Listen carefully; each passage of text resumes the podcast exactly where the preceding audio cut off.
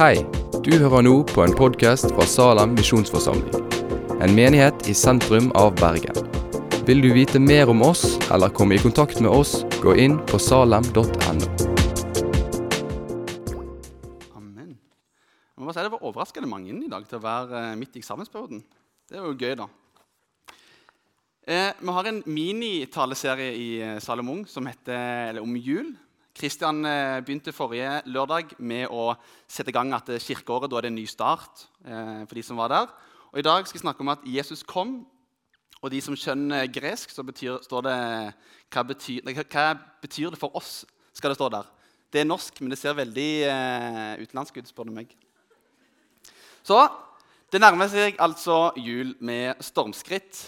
Eh, og Forrige uke snakket vi med en kompis om at vi har så fort i å tenke at advent bare er en sånn tid imellom eh, eksamen, og så er det jul.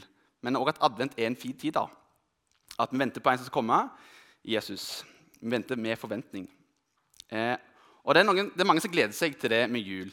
Komme hjem, samles som kjernefamilien. For de som ikke er gift ennå, selvfølgelig. Eh, og de som ja, er glad i mat, sånn som meg. Men så er det òg noen som eh, gruer seg til jul, kanskje. Ikke gleder seg så mye. Kanskje har noen eh, mista noen som denne jula ikke blir å se rundt middagsbordet. For jul er en tid der det er knytta veldig mye følelser rundt og til. Eh, så hva betyr det egentlig at Jesus kom, og hva betyr det for oss i dag, i 2018? Det er litt av tingene som jeg skal gå inn i i dag. Eh, Bibelen vi bruker, for dere som ikke er så kjent i den, så er den delt i to deler i Det gamle testamentet og i Det nye testamentet. Eh, det gamle testamentet er, i, er før Jesus ble født, og det nye er henta etter Jesus. Eh, og I dag skal vi lese fra en tekst som er henta fra Det gamle testamentet, i en bok som heter Jesajas-boken. Han som skrev den, heter Jesaja, og han er en profet for Gud. Og så har han fått en oppgave av Gud at han skulle tale Guds ord til folket, til israelsfolket. Eh, og Det budskapet han kom med, det berørte, det ramma og det advarte folket. Det var ikke et budskap som var veldig populært blant folket.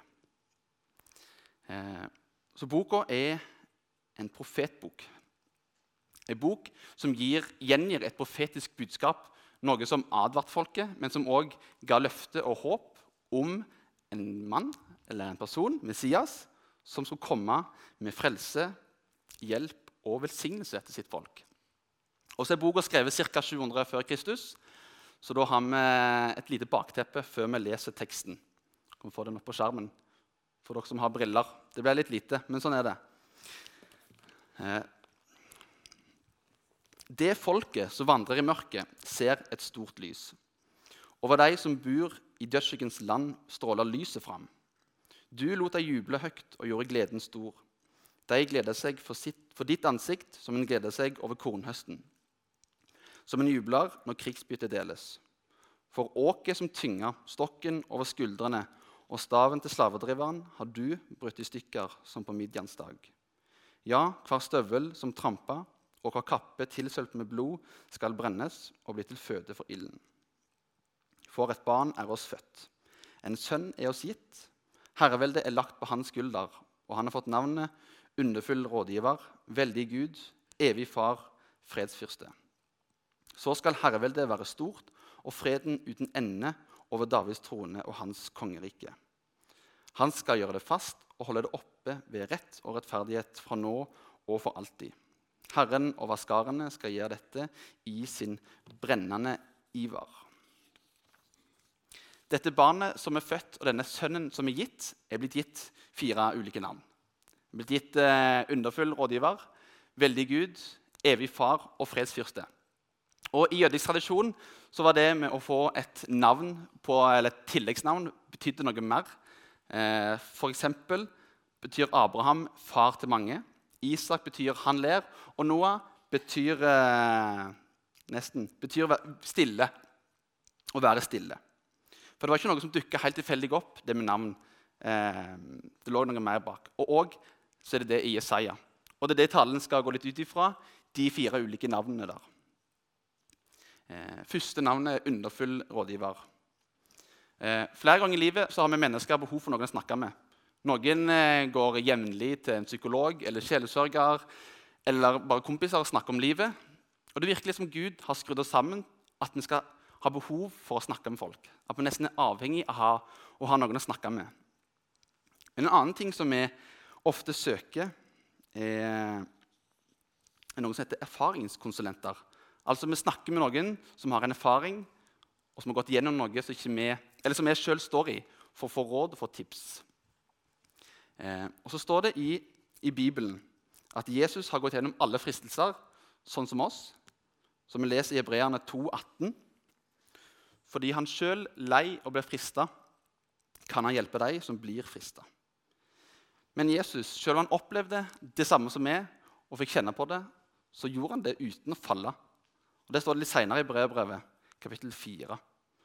For vi har ikke en øverste prest som ikke kan lide med oss i vår svakhet, men en som er prøva i alt på samme måte som oss, men uten synd. Jesus han er den perfekte konsulenten å gå til for å få erfaringer.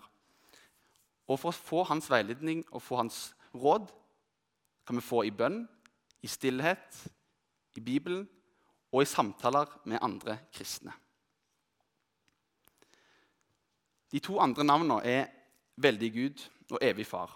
For det barna som kom, det var Gud, den allmektige som er i himmelen, som ble inkarnert. Kort fortalt så er det en måte at Gud tar på seg kjøtt og tar bolig iblant oss.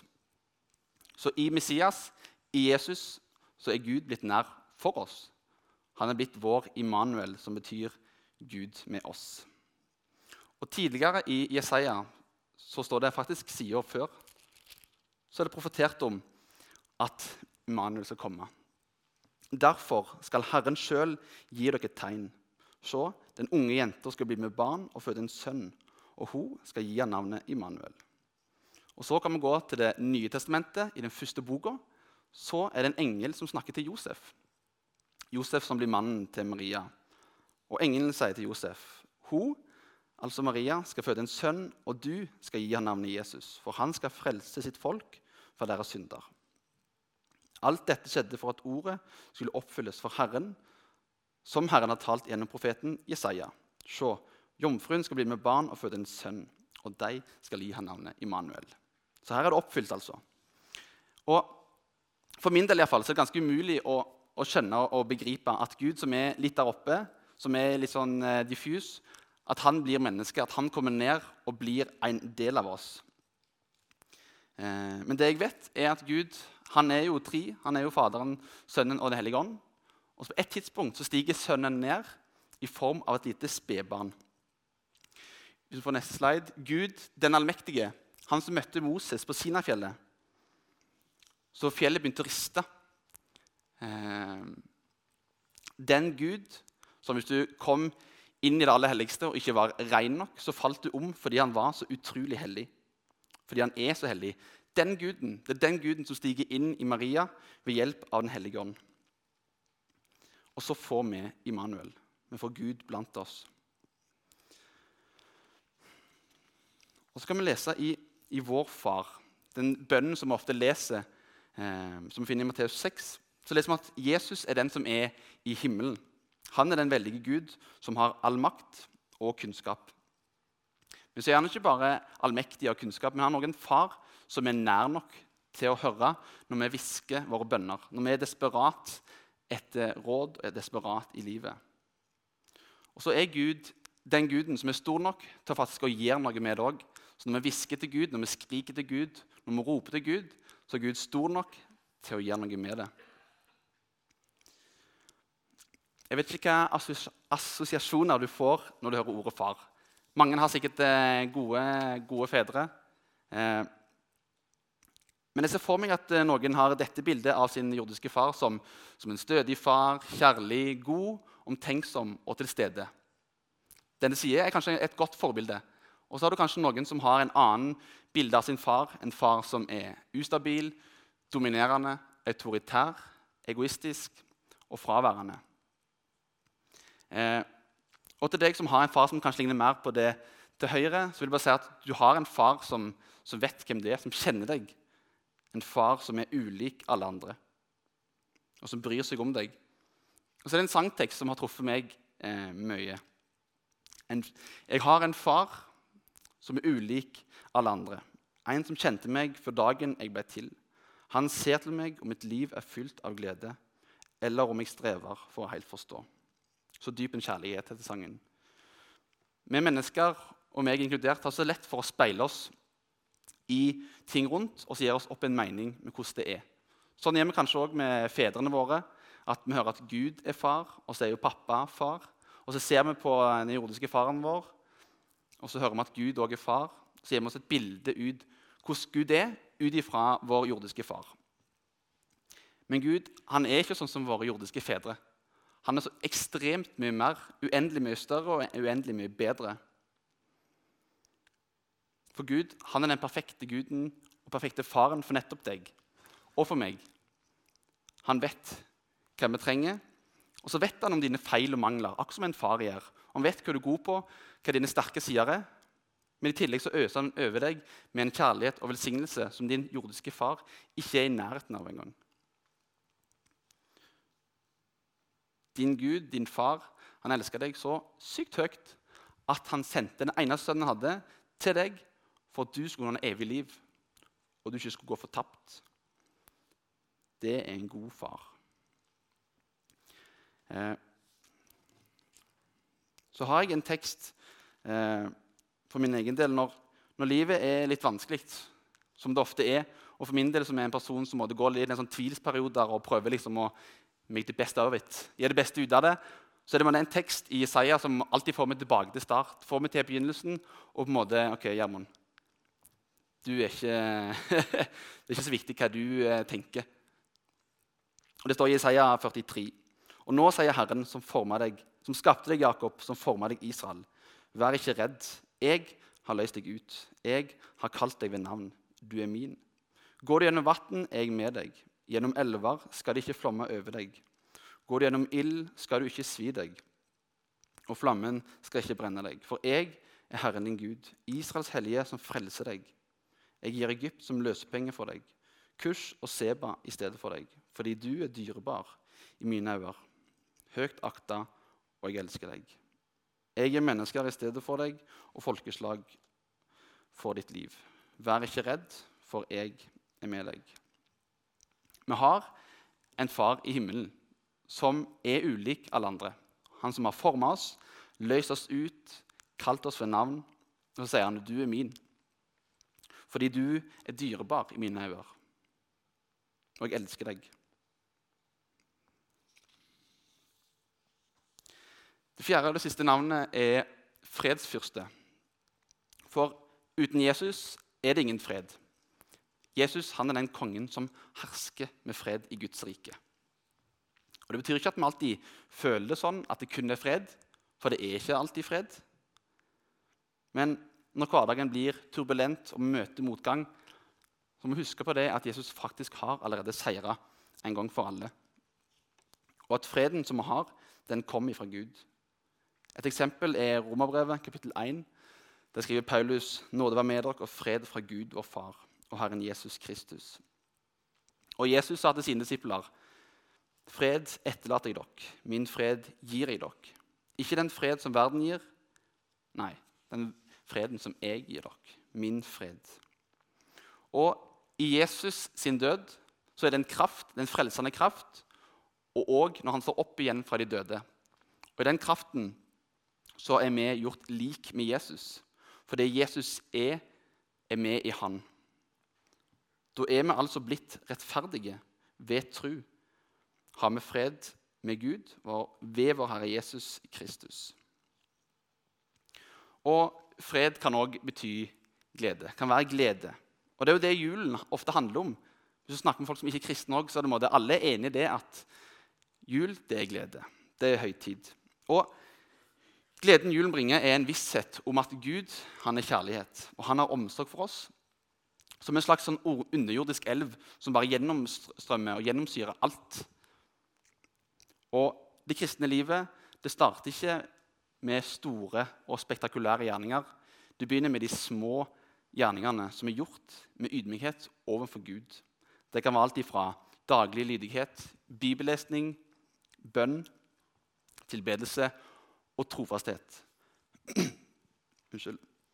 Og litt etter litt så vil trua vokse, og vi vil komme nærmere og nærmere den underjordiske elva av glede.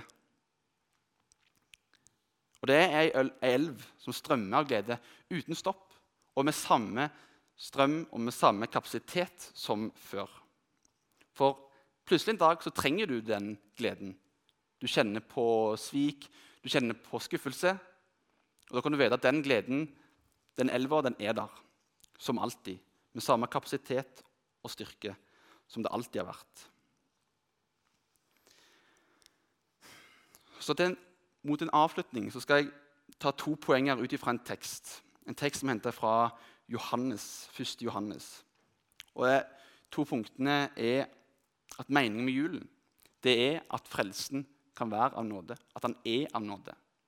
Andre punktet er at du kan ha fellesskap med Gud. Som vi leser teksten. Det som var fra begynnelsen, det vi har hørt, det vi har sett med egne øyne, og det vi så med hendene våre, eh, tok på det, det forkynner vi. Livets ord. Og livet ble åpenbart for oss. Det som vi har sett og hørt, forkynner vi også for dere, for at dere skal ha fellesskap med oss. Vi som har fellesskap med Far og med Hans Sønn Jesus Kristus. Og dette skriver vi for at vår glede skal være fullkommen. Og Når vi tenker på jul og en juletekst, så er det ofte en tekst som handler om Jesu fødsel. Fordi det er det vi hører i kirka. Vi vil høre om eh, englene, vi vil høre om Maria og Josef, hyrdene på marken. Det er det som er juletekst. det er det som er jul. Men den teksten òg har noen fine aspekter med det, med det, som handler med jul å gjøre. Fordi julen òg handler om det at frelsen kan være av nåde. For Jesus blir kalt for livets ord. Og så I vers 2 så blir han kalt for det evige liv. Og Vi er ikke blitt fortalt at Jesus bare har det evige liv, eller at han gir det evige liv. Vi er blitt fortalt at Jesus er det evige livet, at han har frelsen i seg sjøl. Og I andre religioner så må det grunnleggende av religionen de peker på hvor det evige livet er, hvor frelsen er. Du må gjøre ditt, og du må gjøre datt. Og Så kommer kristendommen og Jesus og sier at eh, jeg er evig liv. Jeg er frelsen. Jeg er sannheten. Jeg er veien, sannheten og livet. Og Johannes sier her at måtte, dette er ikke bare en rekke fine historier. For mange andre og jeg vi var øyevitner. Vi vitner om det fordi Jesus han var virkelig. Han levde virkelig. Han døde virkelig. Og han sto virkelig opp ifra de døde. Og hvis jula bare er en fin legende, så er vi på en måte litt på egen hånd. da. Hvordan skal vi da få det evige livet? Men hvis julen er ekte, noe Johannes her i teksten setter veldig tydelig eh, tegn for at det er, så kan vi bli frelst av nåde alene. Punkt nummer to at du kan ha fellesskap med Gud. En annen forskjell som skiller kristendom fra andre, er det med inkarnasjonen. Det vanskelige begrepet som ingen bruker lenger. Men det at Gud blir menneske. Han tar på seg kjøtt og blir en del av oss. Det er ingen andre religioner som forteller om at det er en Gud som blir menneske.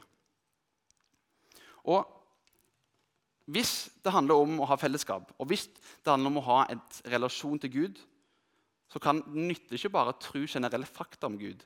At Gud han er tre, og de forskjellige sånn småfakta, og slenge opp noen bønner i ny og ne. Men jeg tror du må lære å kjenne Gud personlig. Så kan du lese i Bibelen, i evangeliene, i Matteus, i Markus, Lukas og Johannes. For der ser du Gud i menneskelig form. Og så ser vi Guds perfeksjon i måter som vi òg som mennesker kan relatere oss til. For Gud er en som kan relatere oss til. Vi ser at Gud han er kjærlighet, han er ydmyk, han har visdom, og han har medfølelse for oss. For i Jesus har Gud kommet nær deg. Og i Jesus får vi lov til å komme nær til Gud. Jesus er vår mellommann. Og det er det julen og inkarnasjonen handler om. egentlig. At Gud har tatt et steg imot deg for at du skal kunne ha fellesskap og intimitet med Gud. Og Gud har tatt et ekstremt stort steg imot deg. Kanskje du må være villig til å ta et steg imot Gud. Sette av tid til Han, prioritere Han. Kanskje du sitter og tenker på en ting som du må forandre på. Kanskje du må omprioritere, kanskje du må planlegge annerledes. For Gud tok det steget, så da fortjener vi at vi tar et steg mot Han. For det er det julen handler om. Komme nær Gud og Jula er på mange måter en utfordring, på samme måte som et løfte om det med å ha fellesskap med Gud. Og så helt til slutt Jesus han kom. Hvorfor kom han? Fordi at frelsen skulle kunne være av nåde. For at han vil ha fellesskap med deg som sitter her inne i dag. Og fordi at vi skal kunne ha glede. Men hva betyr det egentlig for oss at Jesus kom? Det betyr at du kan bli frelst, at du kan ha evig liv. Og Det betyr at du kan ha en relasjon til Gud, og det betyr at du kan ha glede. Men så betyr det òg at kanskje du må prioritere Gud, sette av tid til Han og ta et skritt i retning Gud. Som sagt så er det det som meningen med julen er, at Gud kommer nær. Han ønsker fellesskap med deg, han ønsker fellesskap med meg. Og i alle gode og sunne relasjoner så er det ikke en toveisrelasjon. Nei, enveisrelasjon. At én en som liker den andre. Det er alltid to. Så når Gud tar steg mot deg og ønsker relasjon til deg, ønsker fellesskap til deg, så er det ikke en god relasjon om ikke du tar et steg mot han og, på, og åpner døra når han banker på.